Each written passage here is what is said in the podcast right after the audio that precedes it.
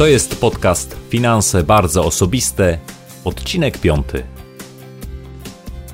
Gromadź oszczędności, ciesz się życiem, inwestuj i pomagaj innym. Ja się nazywam Marcin Iwódź, a ty słuchasz właśnie audycji o zdrowym i sensownym podejściu do życia i pieniędzy. Zaczynamy.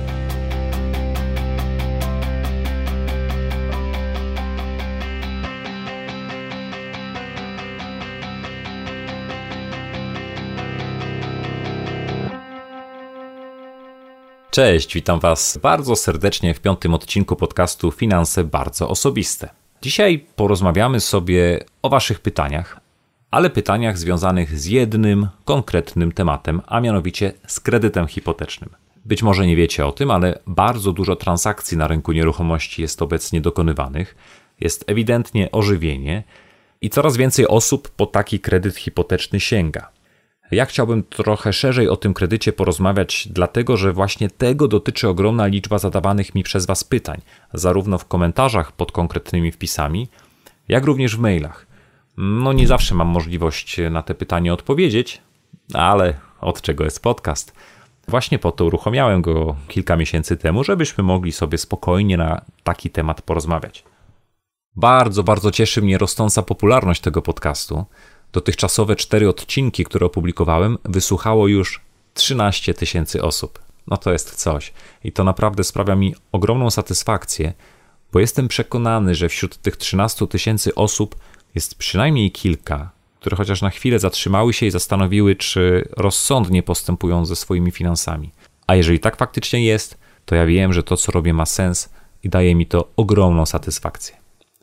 Wasze pytania odnośnie kredytów hipotecznych rodzą się nie tylko z obecnej sytuacji rynkowej, ale prowokuje je na pewno takie moje specyficzne dość podejście. Mm, wiele osób uważa, że to jest podejście bardzo konserwatywne. Ja uważam, że taki typowy kredyt, czyli możliwie duży, na 30 lat, z maksymalnym wykorzystaniem zdolności kredytowej, bo ta zdolność jest tak mitologizowana, że to jest taka nasza ogromna siła. Nie. Uważam, że w wielu sytuacjach to jest bardzo poważny błąd. Oprócz tego, jaki kredyt zaciągnąć, żeby to miało ręce i nogi, porozmawiamy też trochę o tym, czy warto kredyt nadpłacać, kiedy już go zaciągnęliśmy. I to, że te pytania zadajecie, cieszy mnie bardzo, bo to znaczy, że robicie najważniejszą rzecz w finansach. Dążycie do tego, żeby podejmować decyzje przemyślane i żeby kierować się zdrowym rozsądkiem, a nie emocjami czy jakimiś potocznymi, bardzo często błędnymi opiniami. I o to dokładnie chodzi. Zanim jeszcze przejdziemy do, do samego tematu, chciałem Wam bardzo, bardzo, bardzo serdecznie podziękować, bo startuję właśnie w konkursie na Blog Roku. To największa tego typu impreza w Polsce. Jednym z etapów było zbieranie głosów od czytelników, głosów w formie wiadomości SMS. To, co się stało po tym, jak opublikowałem wpis Dziś potrzebuję Waszej pomocy, no to był czat. To naprawdę przekroczyło moje najśmielsze oczekiwania i to wsparcie, które od Was otrzymałem, nawet nie wiecie, jak to bardzo uskrzydla, jakiego to daje kopa do pracy i do działania. Bardzo Wam dziękuję, bo otrzymałem aż 898 SMS-ów. Żeby pokazać, co to znaczy, to na 2693 zgłoszone do konkursu blogi to był szósty najlepszy wynik. No i co ja mogę powiedzieć więcej? Jesteście super i bardzo Wam za to dziękuję. No dobrze, a teraz przystąpmy już do naszego tematu.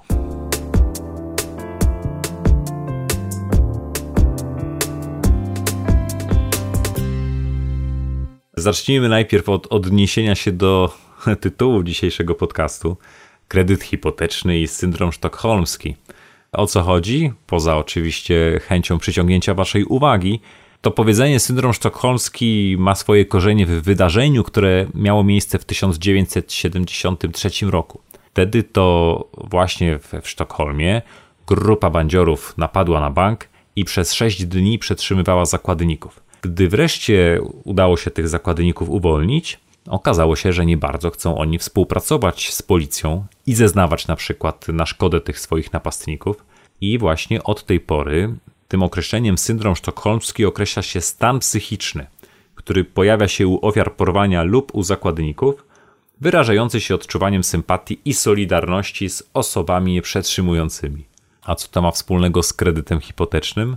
Cóż, często spotykam się z osobami, które w tak zajadły sposób bronią tego, że kredyt hipoteczny jest fantastycznym narzędziem, że to jest w ogóle cud, dobrodziejstwo i nie wiem co jeszcze, że właśnie kojarzą mi się z takimi zakładnikami, którzy przez 30-40 lat są zniewoleni przez ten kredyt, cały czas co miesiąc płacą ogromny haracz na jego rzecz, no ale mimo to bardzo go lubią i pałają do tego kredytu ogromną sympatią, tak wielką, że przynajmniej na początku wydaje im się, że nigdy nie będą chcieli tego kredytu się pozbyć. To się jednak zmienia z czasem na szczęście.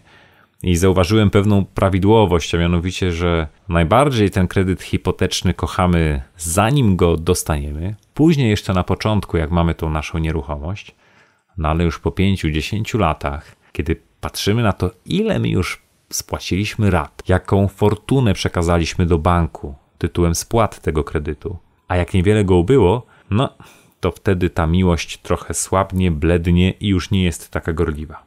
Ja jestem ogromnym wrogiem długów.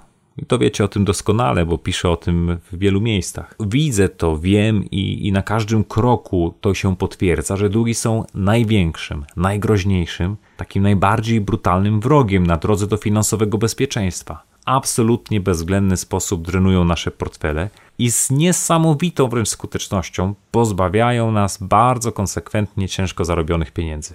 To jest jak kula u nogi, jak kamień u szyi, jak taki ciężki balast, z którym chcemy iść przez nasze finansowe życie. Mówiąc krótko, zadłużanie się i korzystanie w taki sposób z cudzych pieniędzy jest głupie. Powtórzę to jeszcze raz. Zadłużanie się i korzystanie z cudzych pieniędzy i przeznaczanie ich na konsumpcję jest po prostu głupie. Istnieje jednak taki rodzaj kredytu, w stosunku do którego mam inne podejście, i to jest oczywiście kredyt hipoteczny. Co jest takiego nadzwyczajnego w kredycie hipotecznym, że wyraźnie odróżniam go od tych innych? Powodów jest wiele, ale trzy są moim zdaniem najważniejsze. Po pierwsze, za ten kredyt kupujemy nieruchomość. Po drugie, ten kredyt bardzo często pomaga nam w realizacji konkretnego marzenia o posiadaniu własnego domu. No i po trzecie, po wielu dziesiątkach lat bardzo często zdarza się tak, że jedynym wartościowym składnikiem majątku jest właśnie nieruchomość, która kiedyś tam była kupiona na kredyt.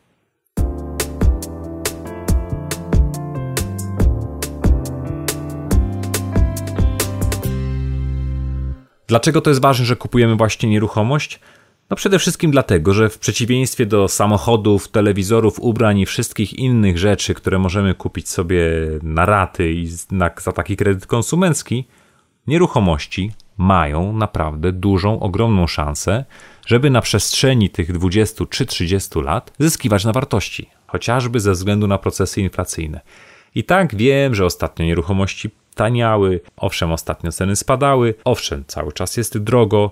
O ile nie popełniliśmy kardynalnych, głupich błędów w momencie kupowania nieruchomości, za 10, 15, 20 lat ta nieruchomość ogromnym prawdopodobieństwem będzie warta więcej niż dzisiaj. To odróżnia nieruchomość od wszelkich telewizorów, samochodów i wszelkich innych rzeczy, które możemy również kupić na kredyt, a które błyskawicznie w bardzo szybkim tempie tracą na wartości. Druga rzecz, faktycznie taki kredyt pomaga zrealizować marzenie, ważne marzenie o własnym domu czy mieszkaniu. Ten element psychologiczny jest bardzo istotny, bo w końcu pracujemy również po to, żeby lepiej żyć, a nie tylko i wyłącznie dla kolejnych zer na koncie. Dom to jest coś wyjątkowego. To w domu przeżywamy wspaniałe rodzinne chwile, tutaj dorastają nasze dzieci, to tutaj obchodzimy święta, ważne rodzinne uroczystości. No, nie muszę wam tego tłumaczyć, wiecie i czujecie to doskonale, że to jest wyjątkowe miejsce, taki nasz prywatny azyl. I ja rozumiem i szanuję tę chęć, że ktoś chce po prostu mieć swój własny rodzinny dom i sfinansować go kredytem hipotecznym.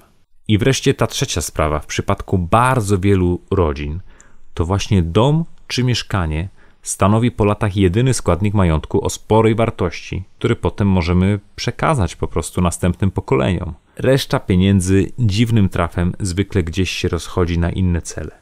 Powodów ku temu jest wiele i ja w bardzo wielu miejscach na blogu i w książce i wszędzie piszę o tym, co robić, żeby tak się nie stało – Ale jednak, jak weźmiemy sobie cały przekrój społeczeństwa, okazuje się, że po wielu latach to właśnie posiadacze nieruchomości coś mają, a ci drudzy często niespecjalnie. Było nawet takie badanie, które niedawno czytałem, według którego Hiszpanie są bogatsi od Niemców. Właśnie dlatego, że kiedy zmierzono ich wartość netto, czyli od posiadanego majątku odjęto długi, okazało się, że ta wartość była znacznie wyższa niż w Niemczech, gdzie większość osób mieszkania wynajmuje, a nie kupuje. Dlatego właśnie uważam, że mądry zakup nieruchomości, również na kredyt, pod warunkiem, że dobrze zaciągnięty, ma sens i może być dobrą decyzją finansową, ekonomiczną, a nawet życiową. Ale to wszystko, te wszystkie zalety kredytu hipotecznego, nie zmieniają jednej najważniejszej, zasadniczej rzeczy. To jest dług. To jest dług, który trzeba oddać, który kosztuje i który wyciąga nam z kieszeni dużo pieniędzy. I właśnie tak się patrzy na kredyt hipoteczny. Jako coś, co ma sens, ale nie przestało być długiem.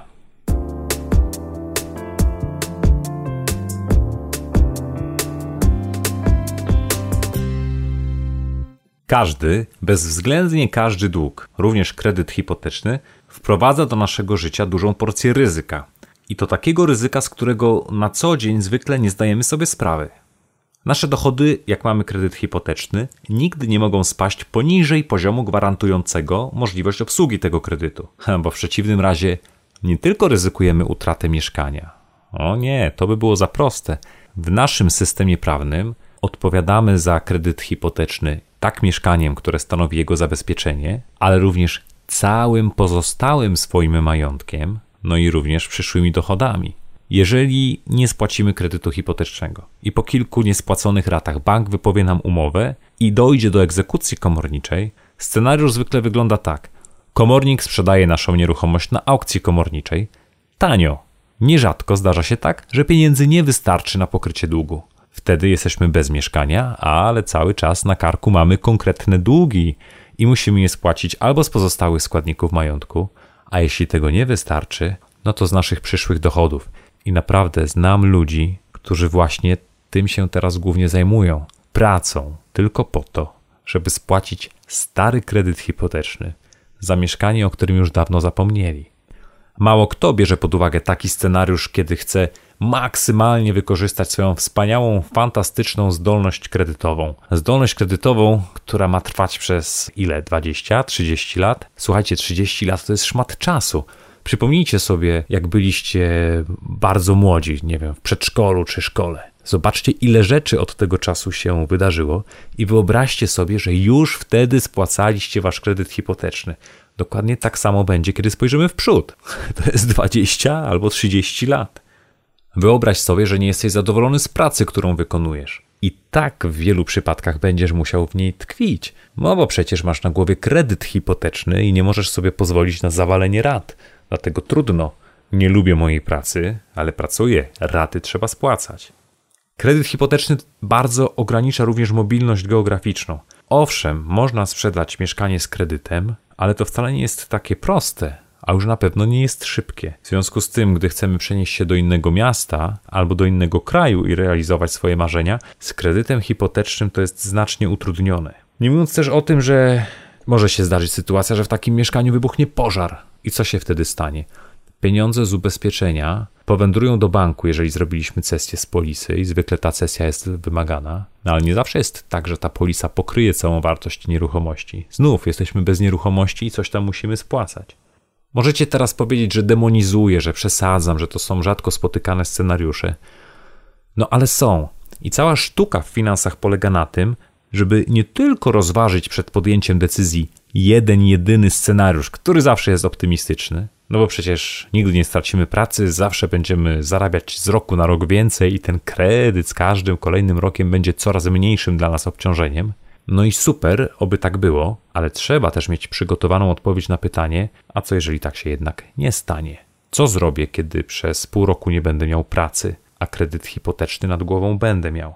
Dlatego nie uważam, żebym demonizował, a wręcz uważam, że to doradcy namawiający was na maksymalny kredyt hipoteczny, jaki tylko możecie wziąć, to oni bagatelizują lub zupełnie nie rozumieją ryzyk, na jakie was narażają.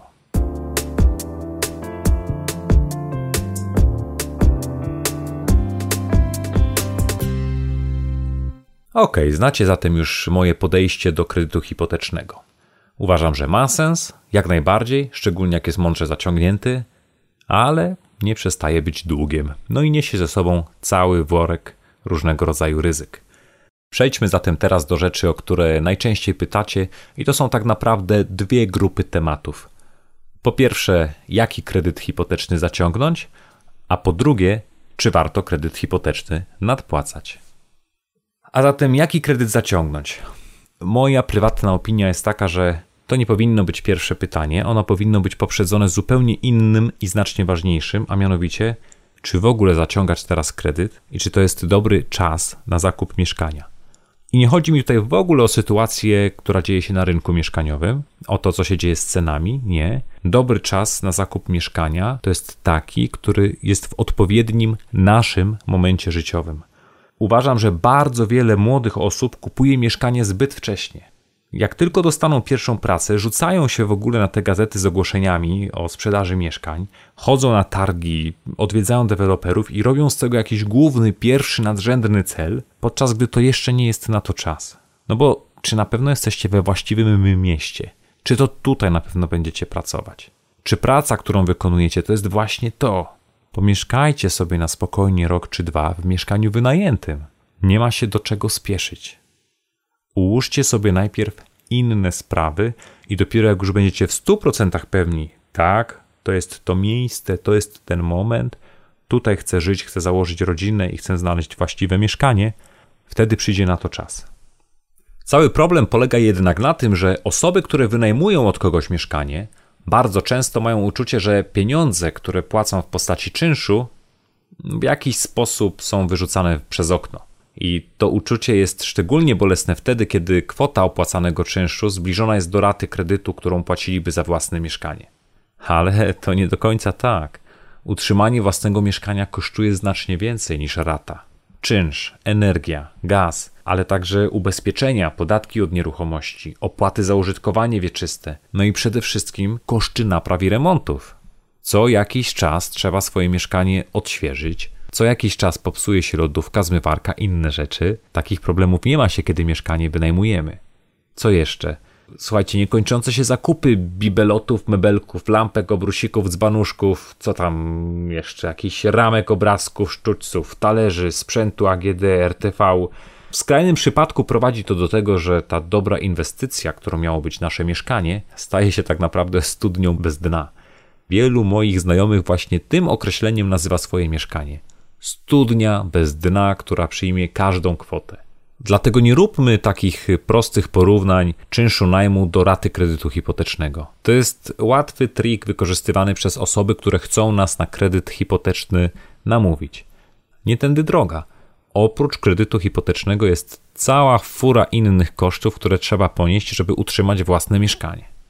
Najem ma także wiele innych zalet. Możemy zamieszkać sobie w jakiejś fajniejszej dzielnicy, której na kupno mieszkania nas nie stać i przez to mieć jeszcze lepszą jakość życia.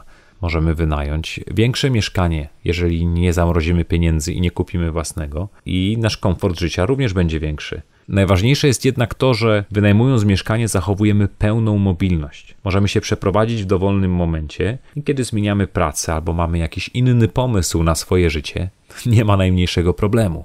Jeżeli chodzi o koszty, no to płacimy w zasadzie czynsz najmu, płacimy za media, nie ponosimy żadnych kosztów remontów, żadnych poważnych napraw, nie płacimy za ubezpieczenia, za podatki od nieruchomości i popsuje się zmywarka czy lodówka. Trudno, nie, masz, nie nasz problem, niech nam ktoś to wymieni, a jak nie, to zmieniamy mieszkanie na inne i nic nas już nie obchodzi. Ale najważniejsza rzecz, szczególnie gdy jesteśmy młodzi, nie wiążemy sobie pętli na szyi w postaci 30 czy 20-letniego kredytu. Nie mamy po prostu zobowiązań finansowych i dzięki temu jesteśmy bardziej wolni. I chociaż nie jestem zwolennikiem wynajmowania mieszkania przez całe życie, to jestem bardzo otwarty na te wszystkie zalety, które najem daje i uważam, że szczególnie na początku naszego zawodowego życia to jest najrozsądniejsze wyjście. Na blogu znajdziecie artykuł pod tytułem Lepiej kupić czy wynająć mieszkanie. Do tego artykułu dołączony jest plik w Excelu, taki kalkulator, który pozwala porównać ze sobą te dwie alternatywy. Zachęcam Was bardzo do własnych obliczeń. Jedno jest tam ewidentne, że im dłużej chcemy mieszkać w danym miejscu, tym bardziej sensowne jest kupno mieszkania i bardziej korzystne niż najem. Ale na początku, kiedy jesteśmy jeszcze młodzi, kiedy nie mamy jeszcze do końca sprecyzowanych planów życiowych, nie ma się co spieszyć, najem jest świetnym wyjściem. No dobrze, decyzja podjęta, to jest właściwy moment życiowy, chcesz kupić mieszkanie, chcesz zaciągnąć kredyt hipoteczny. Jakimi kryteriami teraz się kierować? Ja tutaj zawsze podaję trzy takie złote zasady, które w skrócie określam 30 20 20. 30% dochodów netto, 20% wkładu własnego na 20 lat. I po kolei, króciutko, co one oznaczają. Uważam, że rata kredytowa nigdy nie powinna wynosić więcej niż 30% Twoich dochodów netto. A jeżeli jesteś w związku, jeżeli jesteście małżeństwem, to 30% Waszych wspólnych dochodów. Dlaczego właśnie tyle? Dlatego, że kolejne 20% i tak wydacie na mieszkanie, na wszelkie opłaty, czynsze i te wszystkie rzeczy, o których mówiłem wcześniej, a przecież trzeba jeszcze ubrać się, trzeba coś zjeść, trzeba pokryć szereg innych wydatków w budżecie domowym, więc kiedy rata kredytu to jest więcej niż 1 trzecia tego budżetu domowego, no to w tym budżecie robi się naprawdę ciasno. I okej, okay, jeżeli ktoś zarabia naprawdę duże pieniądze i po pokryciu raty kredytu pozostaje mu kilka tysięcy złotych na życie, w porządku, niech ten kredyt będzie większy, niech to będzie fajna, luksusowa nieruchomość. Ale jeżeli tak naprawdę to jest Twoje pierwsze mieszkanie, kiedy Twój budżet domowy jest napięty, przekroczenie tych 30% no, naraża Cię już na spore ryzyko tego, że kiedy coś się stanie, kiedy ten dochód chociaż trochę spadnie, to w budżecie będzie bardzo ciężko. Kiedy wspólnie zaciągacie kredyt na więcej niż 30%, powiedzmy na połowę Waszego wspólnego dochodu, co się stanie, kiedy jedno z Was straci pracę? Co 100% będziemy przekazywać na ratę kredytu? Ups. I właśnie dlatego 30% to jest taki rozsądny, z moich obserwacji, z moich obliczeń i z analiz wielu budżetów domowych, to jest rozsądny poziom. Jeżeli masz jakiekolwiek wątpliwości, czy to jest poziom dla ciebie, to nie ma co dyskutować, czy, czy to ma być 30 czy 35. Ja zawsze rekomenduję jedną, prostą, dającą natychmiastową odpowiedź na pytanie rzecz. Zrób próbę generalną przez 3 miesiące. Policz sobie, jaką ratę kredytu jesteś w stanie spłacić i co miesiąc taką kwotę odkładaj na bok. Nie korzystaj z niej, nie wydawaj na nic i patrz, co się dzieje z Twoim budżetem domowym. Ta próba generalna bardzo szybko pozwoli Ci znaleźć odpowiedź na pytanie, ile tak naprawdę maksymalnie ta rata powinna wynosić, żeby Twoje życie nie zamieniło się w pogoń za kolejnymi pieniędzmi tylko po to, żeby tę ratę obsłużyć. Także 30% wkładu, 30% y, dochodów netto. Jeżeli masz wątpliwości, robisz próbę generalną przez 3 miesiące z dokładną obserwacją tego, co się dzieje z twoimi, Twoim budżetem domowym. Zasada druga to jest 20% y, wkładu własnego i o, ile ja miałem dyskusji na ten temat z doradcami i z różnymi osobami na moich szkoleniach, reakcja jest zawsze taka sama. Chłopie, skąd ja wezmę 20% wkładu? Przecież przy 300 tysiącach złotych to jest 60 tysięcy. Jak mam odłożyć 60 tysięcy? 10 lat będę odkładał? Zawsze mnie to zaskakuje, ten, ten dualizm, że odłożyć 60 tysięcy jest trudno, no ale oddać do banku w tym samym czasie dwa razy tyle jest dziwnym trafem dużo łatwiej. Tak, to oznacza, że kupisz swoje mieszkanie później. I tak, to oznacza, że będziesz musiał włożyć dużo wysiłku i samodyscypliny w odłożenie tych pieniędzy ale to oznacza też kilka innych rzeczy. To oznacza przede wszystkim mniejszy kredyt, a co za tym idzie dużo mniejsze koszty kredytowania. To oznacza, że nie będziesz musiał płacić ubezpieczenia niskiego wkładu. To oznacza, że marża od kredytu będzie niższa, bo dla banku taki kredyt jest również mniej ryzykowny. No i wreszcie fakt, że zainwestujesz w nieruchomość własne pieniądze, które z trudem gdzieś tam uzbierałeś, to skłoni cię do dokonania zdecydowanie bardziej przemyślanego wyboru. Dlatego cały czas będę przy tym obstawał. 20% wkładu własnego to ma głęboki sens. I od 2017 roku, zgodnie z rekomendacją Komisji Nadzoru Finansowego, właśnie tyle wynosił ci będzie minimalny wkład własny na zakup nieruchomości. I osobiście uważam, że jest to bardzo, bardzo dobry kierunek. Jeżeli nie jesteś w stanie odłożyć 1 piątej, czyli 20% wartości nieruchomości, to moim zdaniem nie jesteś jeszcze gotowy, żeby brać sobie na barki kilkudziesięcioletnie potężne zobowiązanie na kilkaset tysięcy złotych, a właśnie czymś takim jest kredyt hipoteczny. Trzecia zasada z tej mojej reguły 30-20-20 brzmi tak. Nie bierz kredytu na okres dłuższy niż 20 lat. No i to też budzi bardzo dużo kontrowersji, no bo standardem na rynku są kredyty minimum 30-letnie. Pozwólcie, że zacytuję Wam mm, coś takiego. Wydłużanie okresu kredytowania ma sens tylko do pewnego momentu. Wydłużanie okresu kredytowania powyżej 20-25 lat nie pomaga kredytobiorcom, zmniejszenie raty spłaty jest niewielkie, a powoduje jedynie bardzo silny wzrost kosztów odsetkowych. Kto to napisał, że wydłużanie nie ma sensu? KNF, Komisja Nadzoru Finansowego w dokumencie Poprawa bezpieczeństwa rynku kredytów mieszkaniowych. Dlaczego to jest takie ważne? Odsyłam Was na blog. Tam w artykule pod tytułem Kredyt hipoteczny Dlaczego 30 lat to kiepski pomysł? Sporo na ten temat napisałem, ale przede wszystkim zilustrowałem to liczbami. Toczy się tam dość intensywna dyskusja, zadajecie bardzo dużo pytań i komentarzy, ale pozwólcie, że przytoczę Wam tylko trzy zestawy liczb. Pokazałem tam obliczenia dla kredytu na 300 tysięcy złotych, oprocentowanego średnio przez cały okres kredytowania na poziomie 6%. I zobaczcie, kredyt na 20 lat, spłacamy 300 tysięcy kapitału plus 215 tysięcy odsetek, czyli dodatkowo 72% zaciągniętej kwoty. Przy kredycie na 30 lat spłacamy 300 tysięcy kapitału plus 347 tysięcy złotych odsetek, czyli więcej niż drugie tyle 116%. No, niektórzy zaciągnęli też kredyt na lat 40, to tylko jako ciekawostkę powiem, że poza spłatą 300 tysięcy złotych kapitału będą musieli dołożyć jeszcze 492 tysiące złotych odsetek, czyli 164% więcej niż zaciągnęli, a to są wyliczenia nieuwzględniające przykład prowizji, nieuwzględniające ubezpieczeń ani żadnych innych kosztów, które po drodze będziemy w związku z kredytem ponosić. Bardzo dużo osób, zwłaszcza na początku, kiedy chce zaciągnąć kredyt hipoteczny, patrzy się tylko i wyłącznie na ratę. I dla nich ta decyzja 20, 30, 40 lat wydaje się błaha. A to jest decyzja bardzo ważna, tyle tylko, że z jej znaczenia zaczynamy zdawać sobie sprawę dopiero po kilku latach. Kiedy po pięciu latach patrzymy się i uświadamiamy sobie, że kurczę, ile my już kasy wpłaciliśmy do banku, a nasz dług faktycznie nie zmalał, bo prawie całe te pieniądze to były odsetki, które przekazaliśmy do banku, no to wtedy dopiero przychodzi refleksja, oj, czy to rzeczywiście był właściwy okres kredytowania. A już najbardziej spektakularna różnica pojawia się kiedy?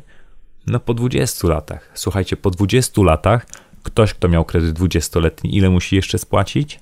Nic, zero.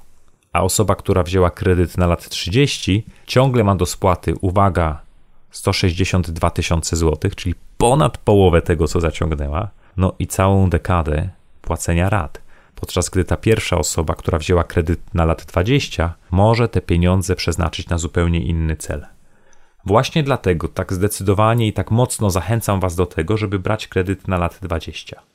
Wiele osób e, mówi też o tym, że lepiej jest wziąć kredyt na 30 lat i jeżeli nas stać, to go stopniowo nadpłacać. Bo po pierwsze rata jest troszkę niższa, a po drugie, no daje to nam trochę większą elastyczność i swobodę.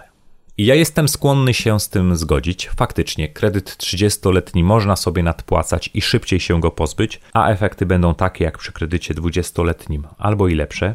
Tyle tylko, że warto uświadomić sobie jedną rzecz. Tutaj prowadzamy pewien element naszej decyzyjności. Od nowa co miesiąc będziemy musieli podejmować decyzję: nadpłacać czy nie, czy dorzucić te dodatkowe pieniądze, ach, czy może przeznaczyć je na coś innego. No i jeżeli znacie życie tak jak ja, to wiecie, że zawsze pojawi się jakiś ciekawszy cel niż nadpłata kredytu hipotecznego. A przy kredycie 20-letnim to jest automat. Ja w ogóle jestem fanem takiej automatyzacji tego typu spraw, żeby nie tracić na nie energii, nie podejmować decyzji od nowa. Ja jestem zwolennikiem takiej automatyzacji w procesie bogacenia się i taki kredyt na 20 lat naprawdę w tym pomaga, bo wtedy po prostu z automatu ten kredyt szybciej się spłaca. Gdy odkładam na przyszłość dzieci, robię to stałym zleceniem. Nie chcę co miesiąc zastanawiać się, przelać te pieniądze czy nie przelać. Nie, niech one sobie idą, ja będę żył za to, co zostaje. I to daje mi gwarancję, że te pieniądze się odkładają, a kredyt szybciej się spłaca. Ale jeżeli ktoś już faktycznie zaciągnął kredyt i jest to kredyt 30-letni, no to okej, okay. myślę, że nie jest koniecznością, żeby iść teraz do banku i prosić o skrócenie okresu kredytowania, ale zobaczcie, jak wam się go nadpłaca i czy faktycznie maleje szybciej, czy jednak znajdują się jakieś ciekawsze sposoby na wydanie tych pieniędzy. Dlaczego trzymam się takich konserwatywnych, według wielu osób, reguł zaciągania kredytu? Bo moim zdaniem właśnie tak wygląda dobry, mądrze i zdrowo zaciągnięty kredyt. Taki, który nie wprowadza do naszego życia nadmiernych ryzyk. My zawsze bazujemy na scenariuszu jednym podstawowym i to jest zwykle scenariusz optymistyczny, że będzie coraz lepiej, że będziemy lepiej zarabiać i tak dalej. Ale warto jest mieć gotowy zestaw odpowiedzi na to, jak poradzimy sobie, kiedy coś nie pójdzie. Pod wpisem o kredycie hipotecznym, właśnie pod tym artykułem o 30 latach, Viola napisała krótkie zdanie. Przy takich założeniach 3 czwarte ludzi nigdy nie kupi sobie mieszkania. I w zasadzie mógłbym się wielu z Tobą zgodzić, gdybyś dodała coś do tego zdania, a mianowicie, że przy takich zasadach 3 czwarte ludzi, których nie stać na zakup mieszkania, nie kupi tego mieszkania. 3 czwarte ludzi, którzy nie powinni kupować teraz mieszkania, tego mieszkania nie kupi. Jaki z tego morał? Że bardzo dobrze zrobią, bo nie wpakują się po uszy w tarapaty, nie wpakują się w zbyt duży, zbyt drogi dla nich kredyt albo w zbyt drogą nieruchomość, tylko na spokojnie przygotują się, powynajmują przez 2-3 lata, zbudują fundusz bezpieczeństwa, odłożą środki na wkład własny i wtedy na zupełnie innych warunkach będą mogli wprowadzić się do własnego mieszkania. Od 10 lat co roku słyszę, że teraz jest właściwy moment na zakup nieruchomości, później już będzie tylko gorzej. Słuchajcie, właściwy moment na zakup nieruchomości nie jest dyktowany sytuacją na rynku. Owszem, warto na to spojrzeć, wziąć to pod uwagę, żeby w okresie jakichś szalonych wzrostów cen tej nieruchomości nie kupować. Ale ten właściwy moment powinien zależeć przede wszystkim od nas i od naszej życiowej sytuacji. Kupujemy wtedy, kiedy jesteśmy na to przygotowani.